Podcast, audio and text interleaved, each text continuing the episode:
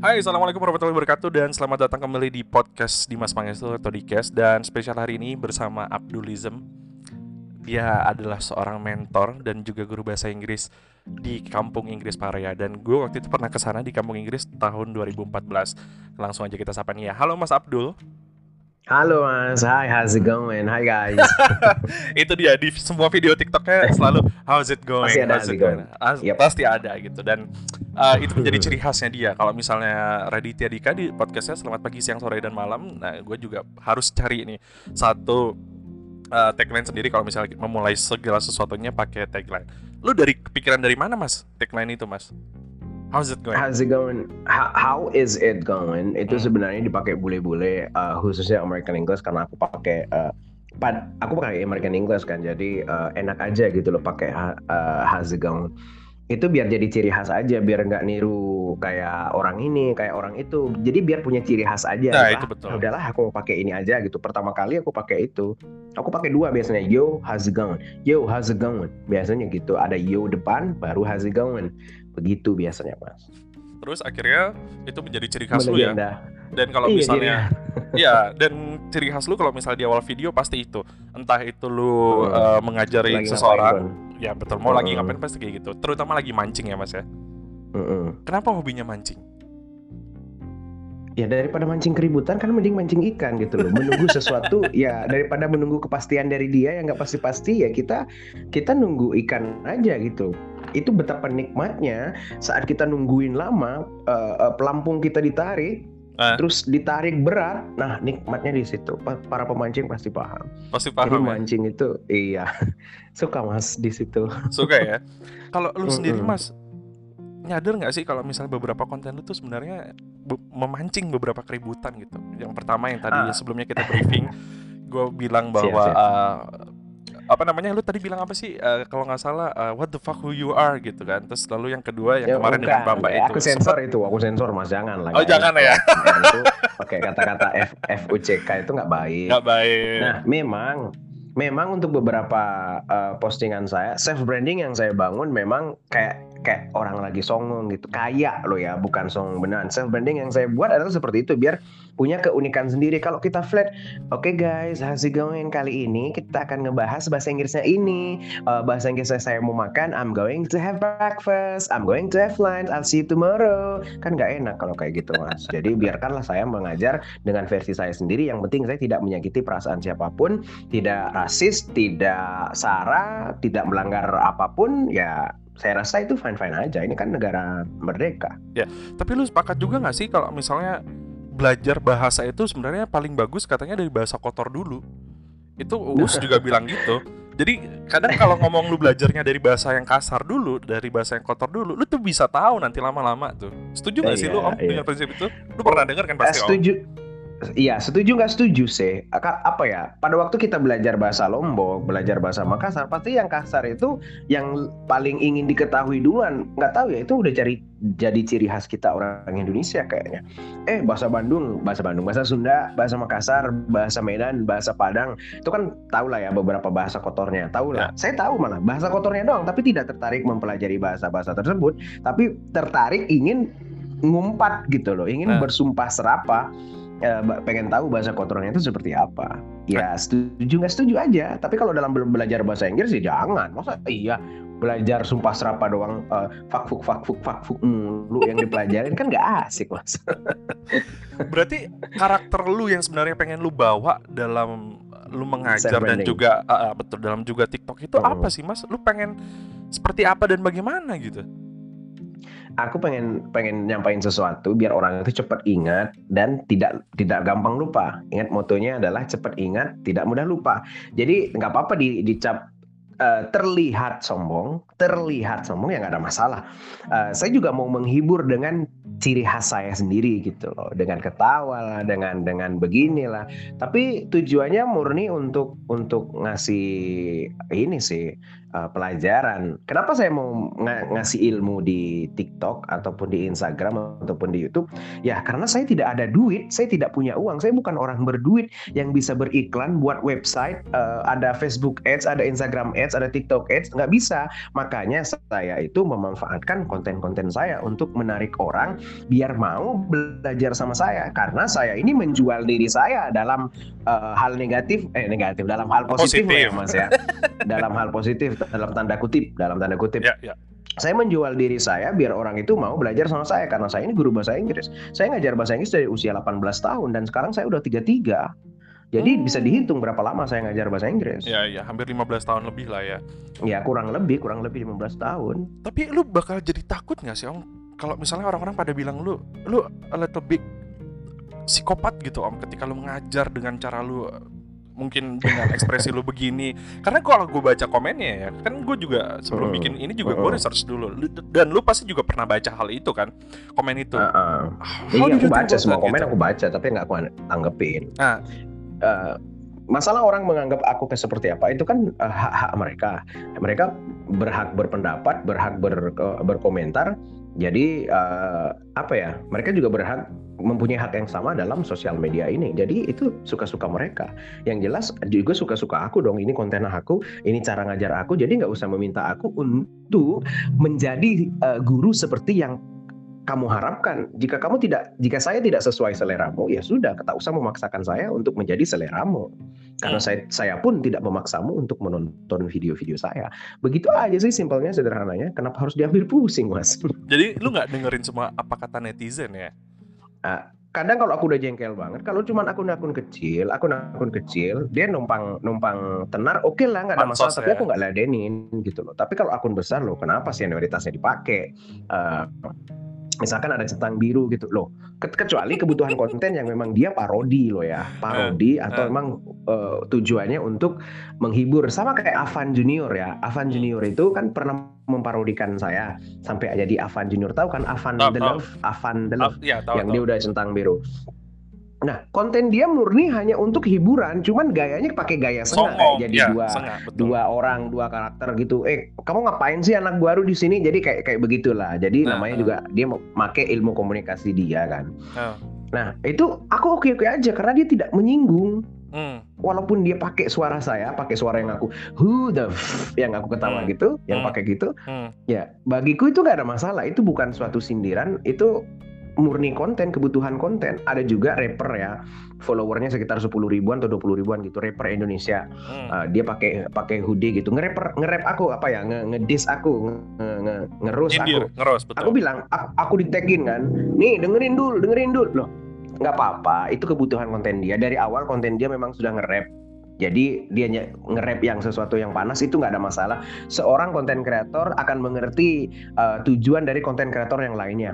Kecuali konten kreator yang lainnya itu toksik penyakit atau uh, dia hate speech gitu loh atau dia tidak nyambung sama apa yang saya sampaikan ya nggak ada mas nggak ada salahnya saya menjelaskan uh, kesalahpahamannya itu. Kalau dia masih nyerang ya udah mending aku blokir daripada jadi penyakit. Duri dalam daging ya harus dibuang mas biar nggak hmm. jadi penyakit. Berarti lu nggak takut framing ketika orang-orang memandang lu seperti itu mas? Ya itu hak mereka. Kenapa harus takut? Uh. Hidup tuh sederhana, jangan dibuat susah. Nah ini dia, ini dia iya. pelajaran buat kita semua ya. Jangan semua omongan hidup, netizen. Hidup, hidup tuh sederhana. Kenapa harus dibuat susah kok? Sesederhana apa sih Mas Abdul? Siapa? Saya. Iya. Ya, jangan jangan gini loh. Kalau saya itu tipikal orang yang saya tidak mau menyakiti orang, jadi orang nggak harus menyakiti saya. Saya tidak pernah membenci orang, jadi kenapa orang harus membenci saya? Kecuali kecuali saya menyinggung, saya menyakiti kalian, kalian menyakiti saya, itu oke oke saja. Saya akan diam saja. Tapi kalau saya nggak menyakiti kalian, kenapa harus menyakiti saya? Sesederhana itu. Nikmatin saja suka tonton, tak suka ya, ya jangan jangan ini. Dan bacot jangan iya jangan nyob iya itu jadi kalau belum kenal hmm. banyak banyak nih mas pakar-pakar psikologi pakar-pakar psikologi bilangnya psikologi nggak tahu lah gimana cara ngebacanya dalam bahasa Indonesia itu hmm. bilang Abdul itu gini gini gini gini gini gini loh Abdul itu pokoknya first impressionnya Abdul itu jelek, Abdul itu sombong, Abdul itu sombong. Guru itu nggak gitu, nggak gitu. Guru itu digugu dan ditiru. Lah, Emang kayak udah pernah jadi muridku aja. Ih, duduk dong sama saya. Lihat, apakah saya sesombong seperti di sosial media atau tidak. Bedain antara self branding sama bukan. Jadi harus tahu ap- gimana caranya bersosial media, harus tahu gimana cara membranding sesuatu. Hmm. Nah, dikit-dikit saya belajar masalah branding dong. Hmm. Sejauh apa lu belajar soal Iya. branding itu, Mas? Ya, cuma belajar ke teman-teman yang dia pernah ikut seminar ke sana ke sini. Hmm. Jadi memang harus punya karakter sendiri gitu loh. Berarti apa yang ada di depan layar dengan apa yang karakter lu pribadi itu beda banget. ya hanya orang gini mas kalau kita yang mengakui apa ya kalau kita yang mengakui sendiri itu nggak baik kita harus diakui jadi sama kayak orang orang pinter itu tidak pernah mengaku pinter dia diakui kalau dia dia bukan mengakui tapi diakui Ya.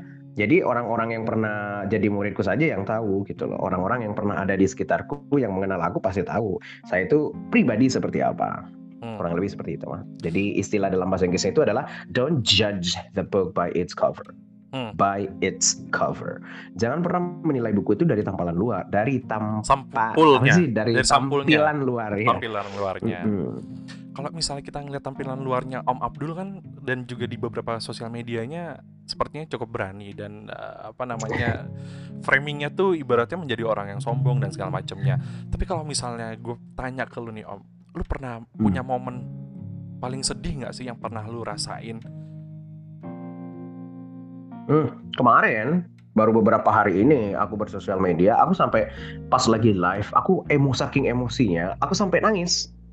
Kenapa tuh? Nangisnya di situ nangis emosi gara-gara ada beberapa oknum dia bilang eh, masih berurusan sama kasus yang kemarin yang sempat viral di di Twitter itu, yang sempat viral di TikTok. Hmm.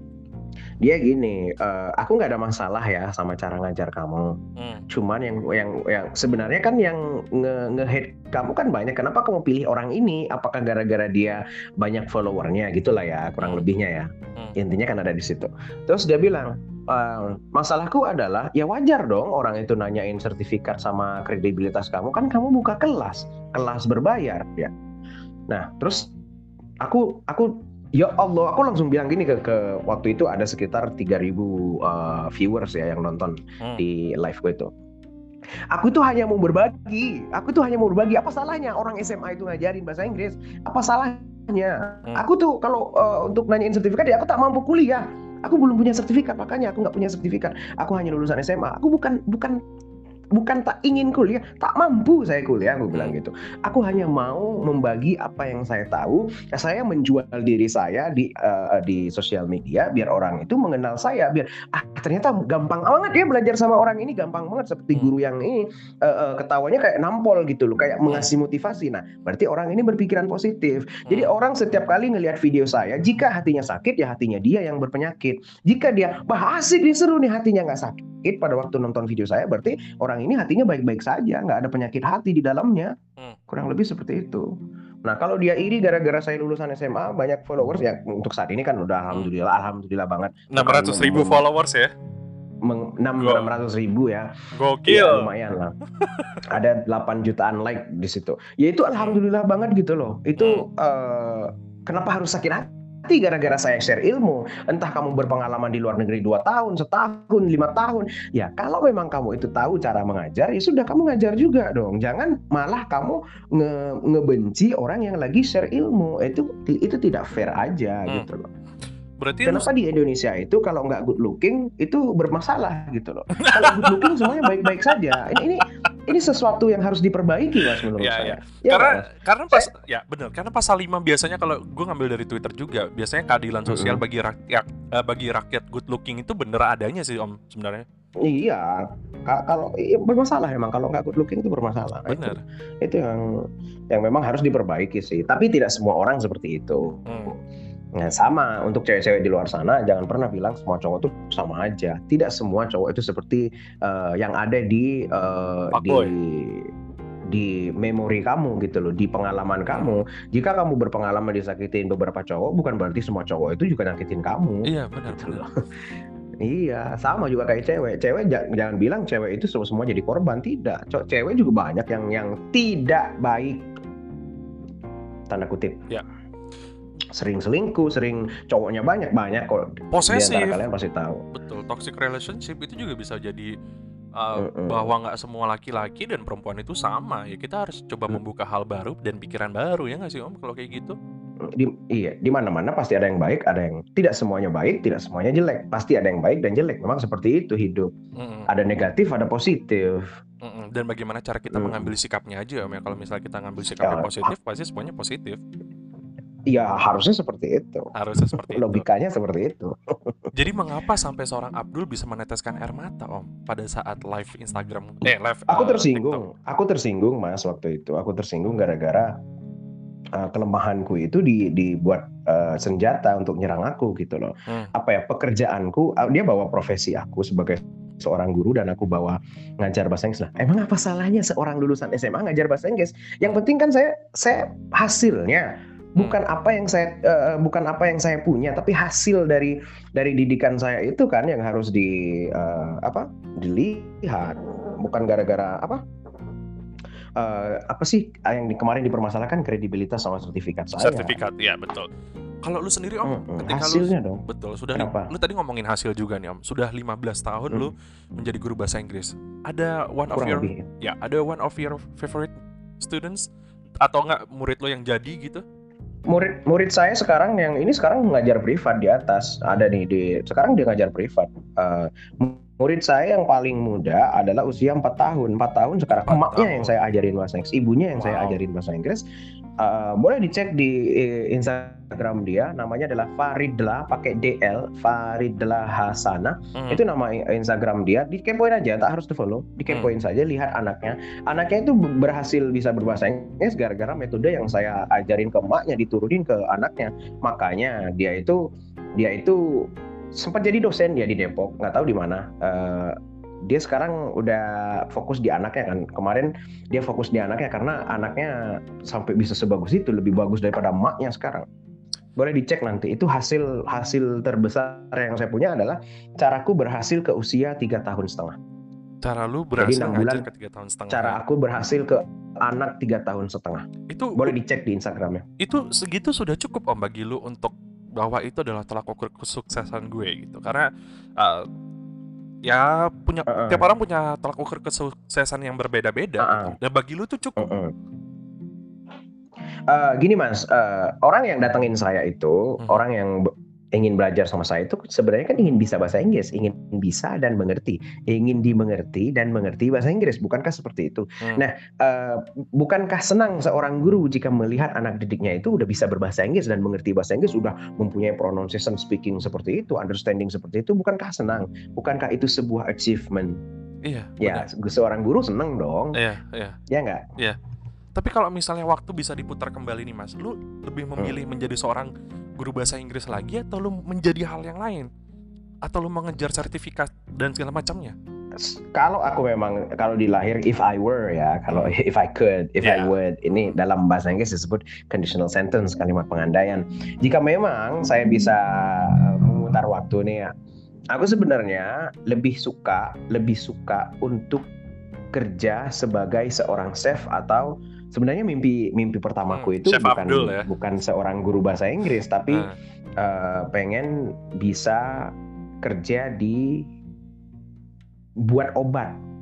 Farmasi. ngeracik ngeracik obat. Iya pok- pokoknya gitu gitulah Nah, karena pelajaran favoritku dari dulu itu adalah science gitu kimia, fisika ya. Uh, uh, jadi kimia kimia justru jurusan bahasa jurusan yang ingin saya kuliah waktu saya lulus SMA adalah kimia murni mas di ITS Surabaya tapi sa- Wow. apa daya aku tak biasa. mampu Nah, jadi ketika Begitu. kalau waktu bisa diulang kembali, lu ingin kuliah di uh, kimia murni ITS ya? Iya, aku pengen kuliah murni di eh, ini. Aku lebih suka buat penelitian-penelitian kayak eh, buat etanol, kayak buat-buat penemuan apa gitu loh. Entah itu dari fisik atau dari kimianya, pokoknya dia dari science gitu. Hmm. Aku suka kayak begitu. Suka banget aku lihat orang-orang Indonesia yang bisa buat robot, apalagi yang bisa buat 4G ini kalau kalau nggak salah orang Kediri kan. Iya betul.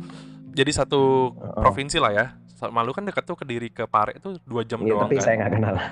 Iya nggak kenal. Tapi lu masih Kediri ngelakuin hal sini, itu nggak sih? Masih. Ke kota Kediri dari Pare itu setengah jam doang. Oh ya setengah jam.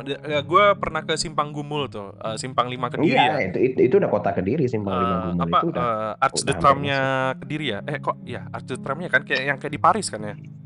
Iya, kayak lah kayak ikonnya ya, ikon, cuman- ikon. icon cuman memang agak disayangkan waktu gue ke sana itu kotor dan banyak graffiti graffiti nggak jelas gitu Mm-mm. jadi aduh sayang Siap. banget itu kasihan mas tapi kalau lu masih ngejalanin hobi nggak untuk bikin etanol atau apa gitu Aku pernah waktu itu aku belajar eh, buat gas ya dari eh, kotoran sapi di kebetulan di rumah kan banyak petani sapi. Eh, Buat gas kan dulu Hmm. waktu kelas 1 kan ada praktek-praktek begitu. Hmm, Jadi satu-satunya siswa SMA di angkatanku waktu itu, Hmm. satu angkatan ya, di angkat satu-satunya eh, kan ada IPA 1, IPA 2 dan IPA 3. Nah, Hmm. aku kebetulan IPA 1.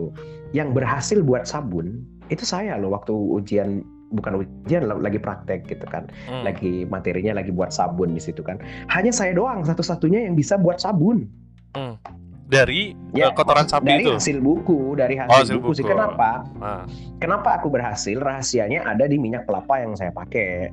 Karena minyak kelapa itu punya nenek aku kan. Kalau nenek aku kan setiap beberapa waktu sekali itu setiap kalau mereka kan pakai minyak kelapa yang yang minyak goreng biasa, aku pakai minyak kelapa yang asli. Hmm. Rahasianya ada di situ. rahasianya ada di Aku pakai situ minyak kelapa. Heeh, aku pakai minyak kelapa waktu itu minyak kelapa kalau nenekku kan buat rambut dia kan kan uban Ah. kan buat rambut dulu biasalah orang jadul Hmm. nenekku waktu itu begitu berhasil saya itu buat sabun tapi sekarang udah nggak ngejalanin hobi itu untuk mengeracik-racik itu siapa tahu bikin satu obat corona gitu oh waduh mas terlalu ini. Nah ke keahlianku malah aku buat racun mas. Maksudnya gimana tuh? Enggak nggak tahu aku malah malah jago buat racun. Racun? Untuk apa? Tikus gitu misalnya hama. Eh, ku, aduh nggak enak aku kalau ceritain. Ini sebenarnya pengalamanku waktu aku SMA, aku tuh hobi banget buatin racun. Kalau di Papua itu, di panah ujung panahnya itu kan Untuk ada. Aduh nggak enak kalau diceritain, bahaya ini ini mau nyangkut nyawa orang jangan. Pokoknya intinya aku jago buat racun. itu jago buat racun oke om Jago, jago buat racun. Oke, em, kalau misalnya lu kan tadi cerita juga ketika lu jadi murid gitu ya. Kalau misalnya Hmm. lu sekarang posisinya dibalik nih, lu jadi murid dan lu melihat guru lu sikapnya sama seperti lu gitu. Gimana menurut lu? Om? Oh gini, karena karena saya tumbuh di lingkungan yang Mas jangan salah. Gini Mas, Eh, Ini dari guru guru apa dulu nih? Dari guru apa dulu nih? Dari guru dari guru ngaji saya dulu. ah, Nah, kalau di kampung aku itu ngaji eh, kita kalau sudah mau hampir hampir maghrib kita sudah harus ke ke pondok.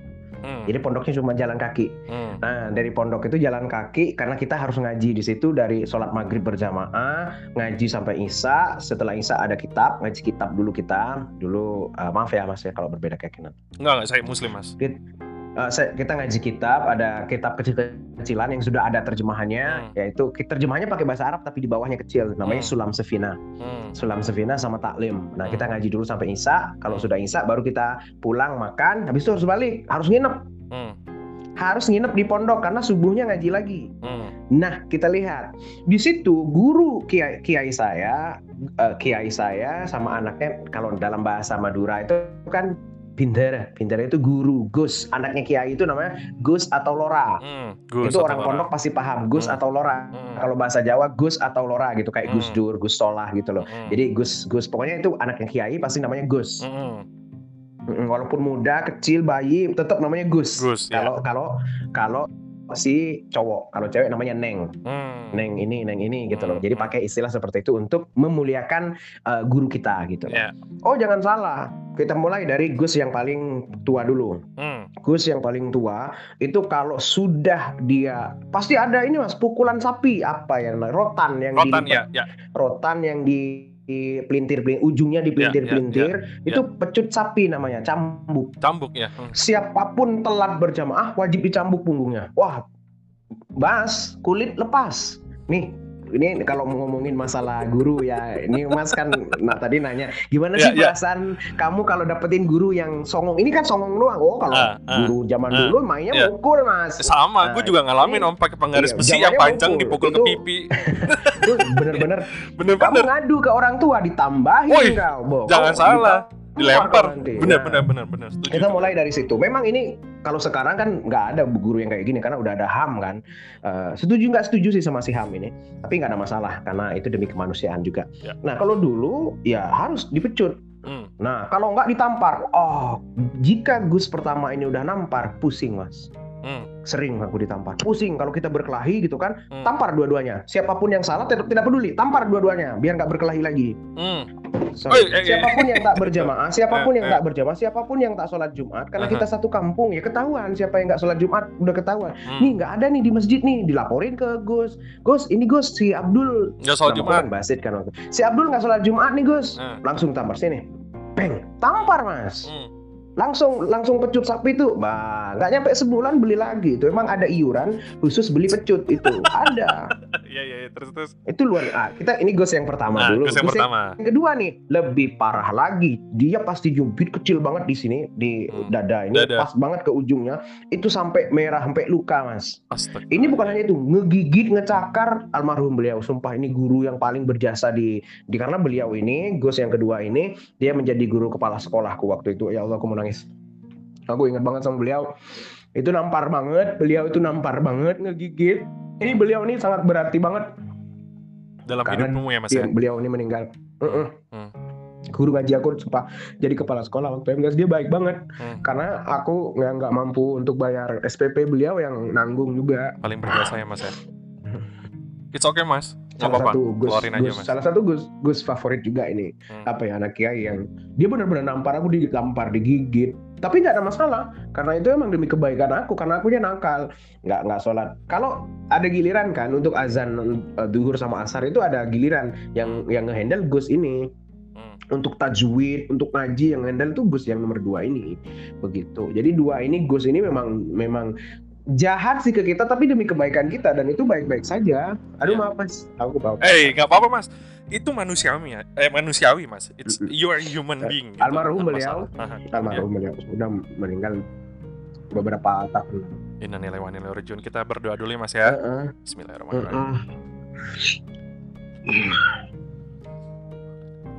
Amin. Semoga beliau amal ibadahnya diterima ya Mas ya. Berharga banget beliau itu benar-benar eh, dia mendukung banget aku tuh kuliah, aku tuh eh, kuliah, dia mendukung banget eh, aku tuh nerusin ini, aku jadi guru bahasa Inggris aku selalu datangin beliau. Hmm. Tapi kiai kalau kiai aku memang kiai aku aku tidak dapat pada waktu beliaunya kasar.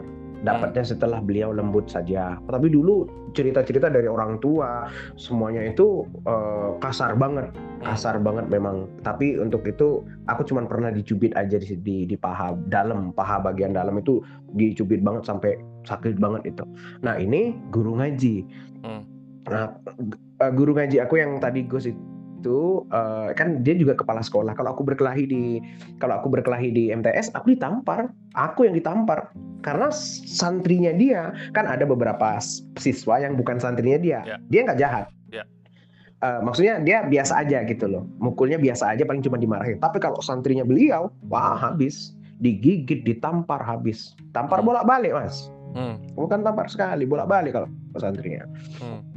Itu beliau. Nah, bapak saya nih, bapak saya, eh, saya pernah dikasih makan adonan pentol mentah, kabel anten dipelintir, put ini ke punggung. Hmm. Kata bapakku satu, aku akan sakiti kamu asal kata-kata bapakku tuh kalau dia ditanya kenapa aku jahat sama anakku, sama teman-temannya, yang penting nggak patah. Yang, penting nggak patah. Mau kulitnya kelupas kelupas nggak ada masalah. Yang penting nggak patah udah gitu doang. Betisnya itu udah hantam sama kabel, nggak kan patah, tapi kulitnya keluar, Ah, astagfirullah. kelupas kulitnya. Ah, Punggung ah. oke. Nah ini kalau bapakku jahat banget mas. Jahatnya di sini dalam konotasi gara-gara dalam hal gara-gara aku buat salah. Kalau Iya, aku rajin ya enggak. Kalau aku rajin ngaji ya enggak. Aku dulu kecil nakal banget. Lari ke tetangga nonton ke, kerasakti, nonton eh, Satria Baja Hitam, nonton siluman ular siluman ular putih. Pamitnya ngaji, pamitnya ngaji tapi lari ke tetangga nonton TV, gitu loh. Jadi, menurut pandangan Om Abdul nih terhadap guru-guru Hmm. ketika Om Abdul menjadi murid, seperti apa Om ketika melihat Om Abdul melihat Om Abdul yang sekarang, tapi posisinya sekarang Hmm. lu jadi murid gitu. Nah, posisinya jadi murid. Eh, kalau di dalam sosial media, ah guru ini unik gitu loh. Guru ini unik gitu.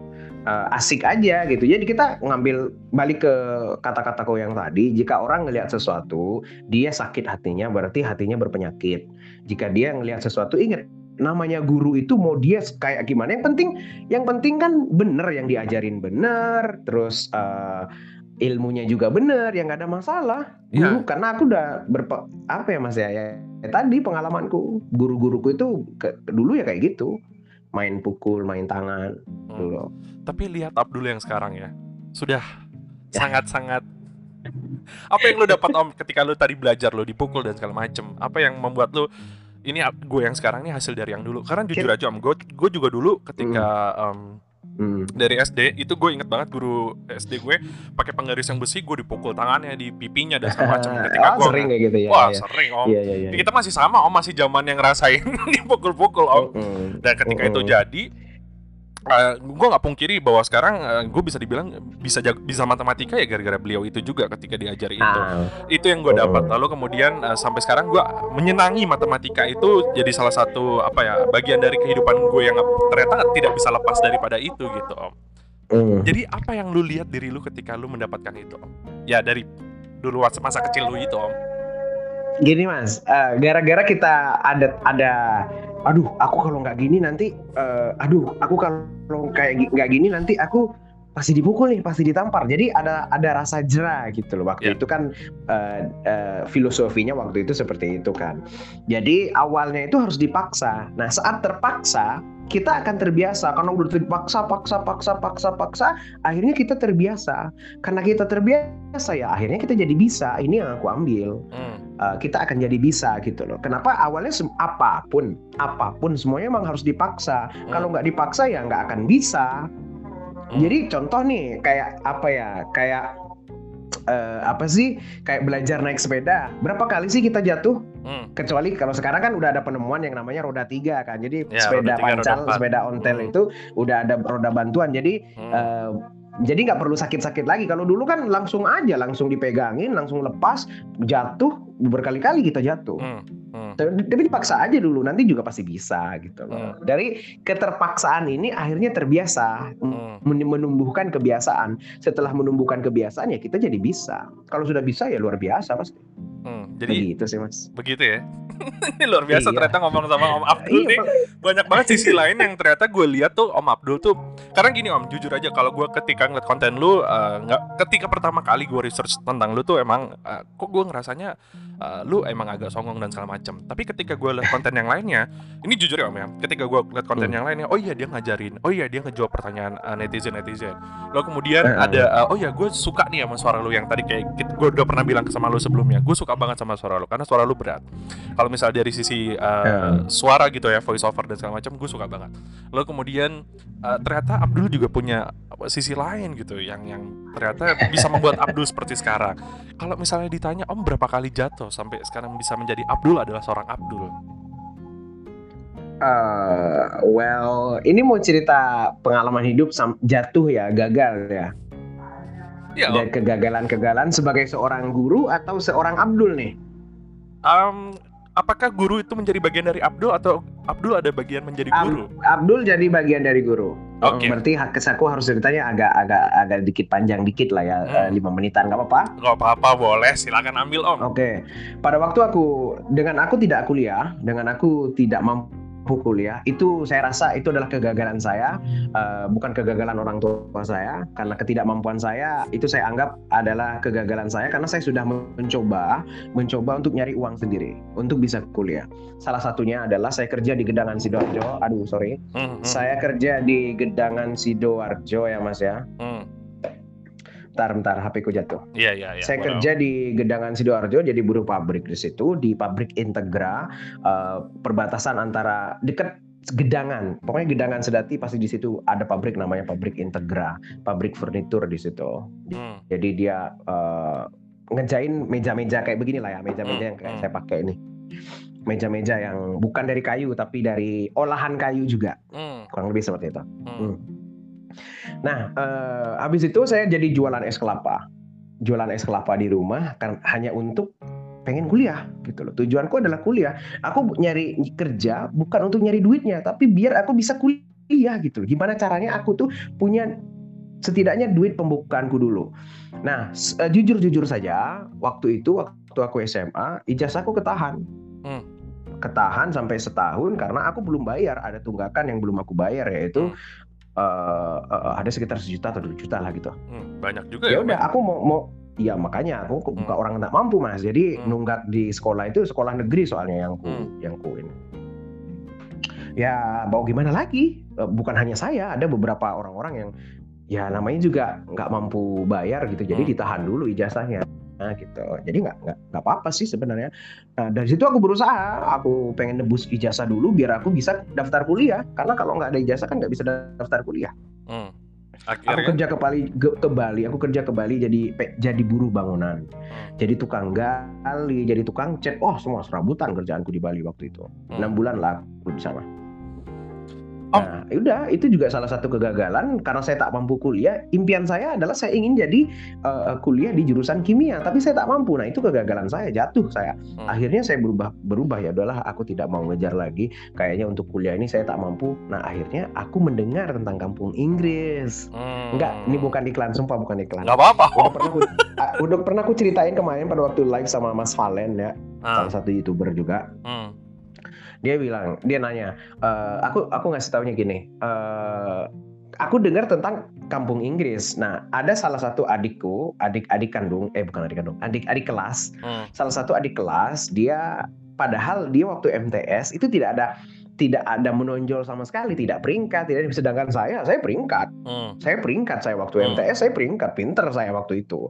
apa ya, uh, ya cerdas lah ya, hmm. maksudnya peringkat lah, peringkat peringkat satu, peringkat dua, ya. alhamdulillah, peringkat satu, peringkat dua, peringkat tiga, peringkat satu, peringkat dua, pokoknya gitu gitulah. Hmm. Nah, kenapa setelah dia lulus dari Alia, dia kuliah dulu, kuliah Sabtu Minggu itu kan? Hmm kenapa dia? Itu bisa ngajar bahasa Inggris di di, di mantan sekolahku kok. Tem, apa sih? Tempat sekolahku yang dulu itu yang hmm, MTS hmm, hmm, dia diangkat jadi ngajar. Kenapa aku nggak diangkat? Padahal aku udah lulus aku jago bahasa Inggris. Kenapa nggak? Nah di situ akhirnya ya Allah kenapa ya kok dia bisa ngajar bahasa Inggris? Padahal dia adik kelasku dan dia itu uh, tidak ada apa-apanya waktu itu. Maksudnya tidak menonjol bukan merendahkan adik adik kelasku ya. Ya ya ya. Ya udah aku oh dia pernah di kampung Inggris katanya di kampung Inggris tuh gini-gini. Uh, semua kalau nggak pesan makanan nggak pakai bahasa Inggris nggak akan di nggak akan dilayani nggak akan diladeni ladeni nggak akan uh, dikasih uh, makan katanya uh. bah aku aku tertantang dong orang yang jago bahasa Inggris waktu MTS sampai SMA bisa bahasa Inggris. Kok eh di mana ini kampung Inggris nih? Ya udah akhirnya aku cari info kerja di Bali hasil duit dari Bali aku bawa ke Pak Are mas. Gitu hmm. rahasia eh, ceritanya. ceritanya. Nah dia di, di rumahku itu di di Probolinggo kan ada Keraksan. Keraksan itu ada kampung Arab. Hmm. Kampung Arab. Hmm.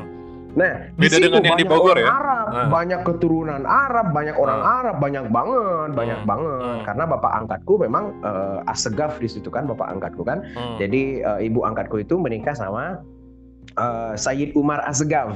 Hmm jadi itu bapak angkatku. Jadi aku besar sama orang sih sebenarnya. Jadi hmm. sama ibu angkatku itu. Jadi bapak ibu angkatku itu menikah sama uh, uh, uh, di situ Habib uh, namanya Umar Asgaf. Hmm.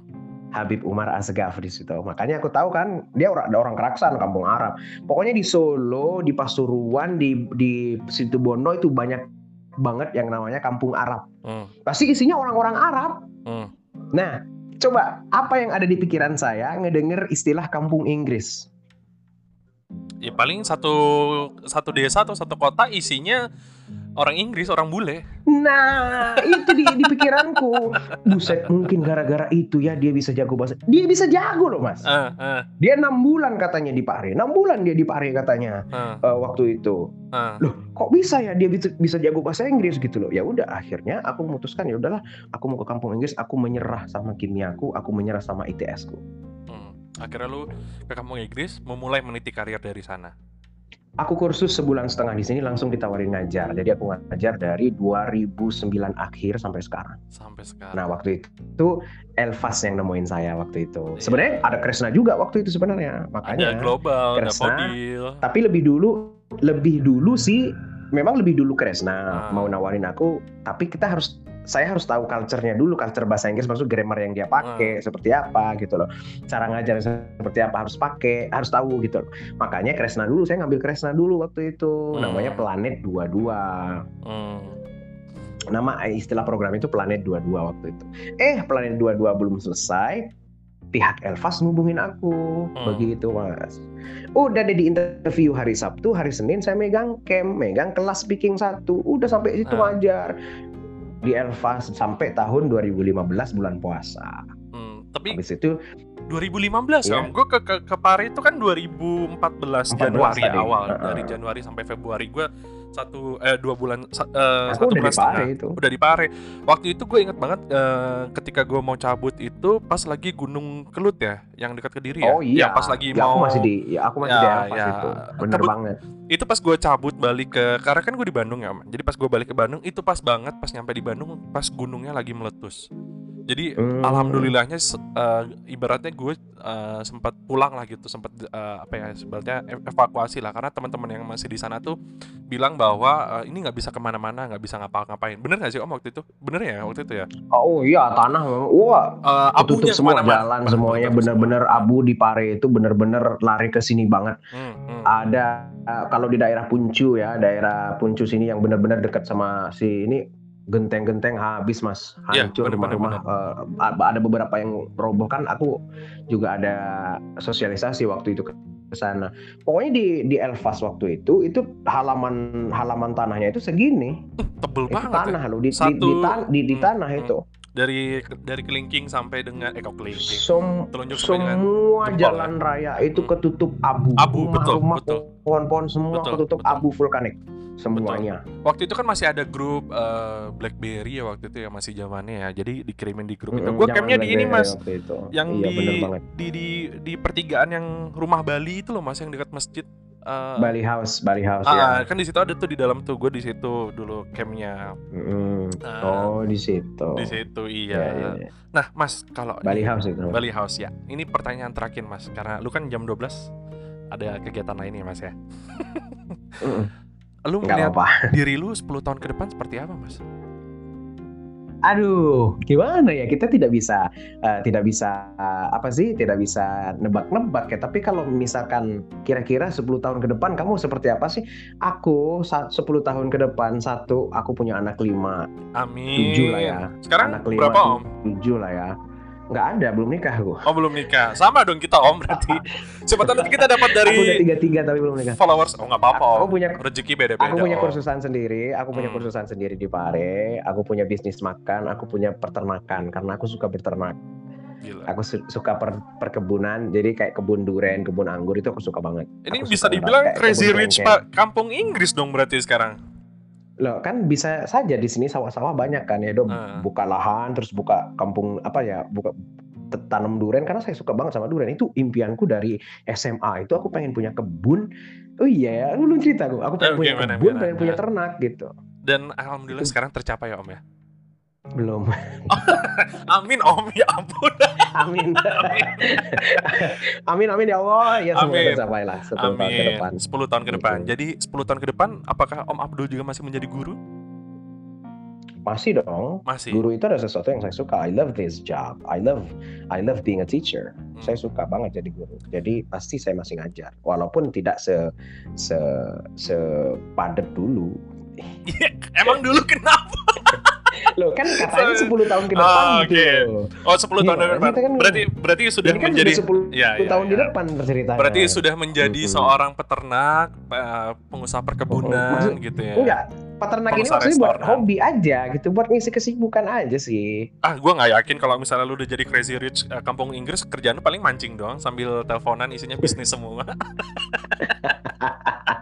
Amin ya Allah, amin, ya Amin. crazy rich ya Allah. Iya, siapa tahu ya sama crazy rich eh, pare gitu kan. Ya kalau misalnya nanti gua ke sana lagi, tahu Om Abdul ya. Oh itu eh, Crazy Rich Pare gitu kan. Jadi udah punya framing tersendiri. Iya iya iya iya. Mm-mm. Om Abdul, em, Iya. ada sedikit juga Om cerita eh, kalau misalnya gue juga punya teman Om, gue juga punya teman yang di mana dia eh, mungkin sama kayak lo Om. Jadi dia tidak kuliah eh, karena memang tidak Mhm. punya biaya dan eh, dia tidak menyalahkan hidup. akhirnya memang dia berjuang karena hidup itu adalah perjuangan dan akhirnya sampai sekarang uh, dia sukses om alhamdulillah sukses um, amin amin betul maksud gue adalah ketika jujur aja ya gue nggak sepakat dengan orang-orang yang uh, tidak lu nggak bisa menilai orang tuh dari hanya dari sebuah sertifikat. Tapi lu juga harus melihat dari skillnya. That's right. Lu juga harus lihat dari pengalamannya lu juga harus lihat dari pola pikirnya lu juga harus melihat bagaimana cara dia membuka pikiran dia bagaimana dia menyampaikan segala sesuatu. Ini mungkin buat teman-teman yang buat dengerin juga ya. Karena uh, ketika itu diberi kalau kalau semua orang ditanya lu mau kuliah apa enggak? Pasti jawabannya mau. Karena kuliah itu memberikan kehidupan yang lebih baik. Tapi kalau ditanya uh, lu bisa kuliah apa enggak? Belum tentu semua orang bisa karena belum tentu punya kesempatan belum tentu punya uang dan segala macamnya. So that's right. gue sangat mengapresiasi apa yang sudah lu sampaikan semuanya. Itu yang membuat gue respect banget sama lu.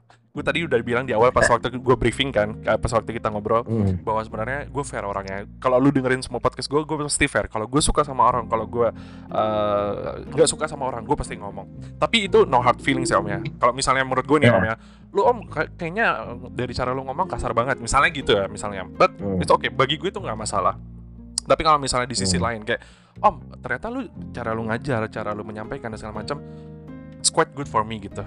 Lu asik ternyata, lu santai. gue bisa tahu bahwa Om ya? Abdul ya. It's quite good. Enggak, berarti salah ya. Ini kayaknya lucu nih. Kayaknya kalau ada yang salah. quiet itu artinya quiet, quite good. Itu ah. tidak tidak wow banget, biasa aja. It's oh gitu. Good. It's quite good. Ah, yeah. Gitu. Tapi it, it's it's amazing itu beda lagi. Itu beda it's, lagi ya. Awesome. Itu beda lagi. It's quite good. Ya. Kalau misalnya kayak gini, yeah, lu yeah. ya, ya kan tadi gue nyampe kan. Ya itu mm -hmm. apa um, ya ini juga ya. Gue agak deg-degan ya. Jujur aja om. Kalau gue ngomong bahasa Inggris juga sama lu kayaknya tuh kayaknya gue juga siap-siap dikritik juga. but jangan deg-degan ya. Nah, itu dia um, yang pengen kok. ya benar. Itu tapi salah adalah bagian dari pembelajaran. Nah, itu kan ada istilahnya di buku Sidu itu. Punya buku Sidu gak Sinar Dunia yang nah. buku legend waktu. Iya, di paling bawah Experience kanan. is the best teacher. Pernah hmm. denger nggak? Pernah uh, dong. Pengalaman adalah guru terbaik. Iya, experience is the best teacher. Jadi bukan sertifikat is the best teacher. Yes. Experience. Itu dia. Om Abdul terima kasih banyak sudah mengobrol-ngobrol di podcast Siap. ini. Nanti akan saya tag di Siap, podcast uh, di cast. Jangan lupa Om, habis ini uh, itunya Om foto Om buat thumbnail Oh Kira boleh ya. dong. Jujur aja, ya, aja, waktu gue DM ke lu, gue tuh takut om deg-degan karena kok isu enggak, enggak gini om. Fotonya orang negatif aja. Bukan fotonya Nusa dan itu. Rara Nusa, iya suka banget aku sama oh, Rara dan Nusa. Karya Indonesia yang saya apresiasi adalah Rara dan Nusa. Semua akunku uh... kecuali ini baru-baru nih aku ganti nih si WhatsAppku. Semuanya dulu foto apa pun aku ganti Rara Nusa. Itu Rara bentuk saya mengapresiasi mengapresiasi Rara Nusa uh. karya negeri itu. Dan bagus dia berdakwah tanpa ada bukan sok suci ya, bukan sok suci. Hmm, suka hmm. banget pokoknya karya Indonesia saya suka banget. Ya, itu dia makanya gue pikir ini beneran nggak ya kan sekarang sekarang banyak banget fake account kan gitu terus. Tapi gue gue meyakini bahwa ini kan ngeling langsung ke TikTok lu ya. Ya udah ini pasti iya, asli pasti punya saya kalau udah. Udah gitu dijawab pula kan. Wah, happy banget nih pokoknya hari ini. Terima kasih Om Abdul. Terima kasih buat teman-teman semua. Mas bro, ya. Jangan menilai seseorang dari sampulnya. Jangan menilai buku dari sampulnya. Betul ya Om ya?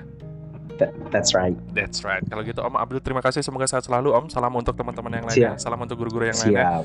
Uh, salam hormat juga untuk orang tua dan uh, tadi untuk gurunya Om Abdul juga kita doakan sama-sama ya teman-temannya. Semoga amal dan ibadahnya diterima untuk Om Abdul terima kasih banyak. Kalau gitu, assalamualaikum warahmatullahi wabarakatuh, Mbak Om. Bye. Waalaikumsalam warahmatullahi wabarakatuh.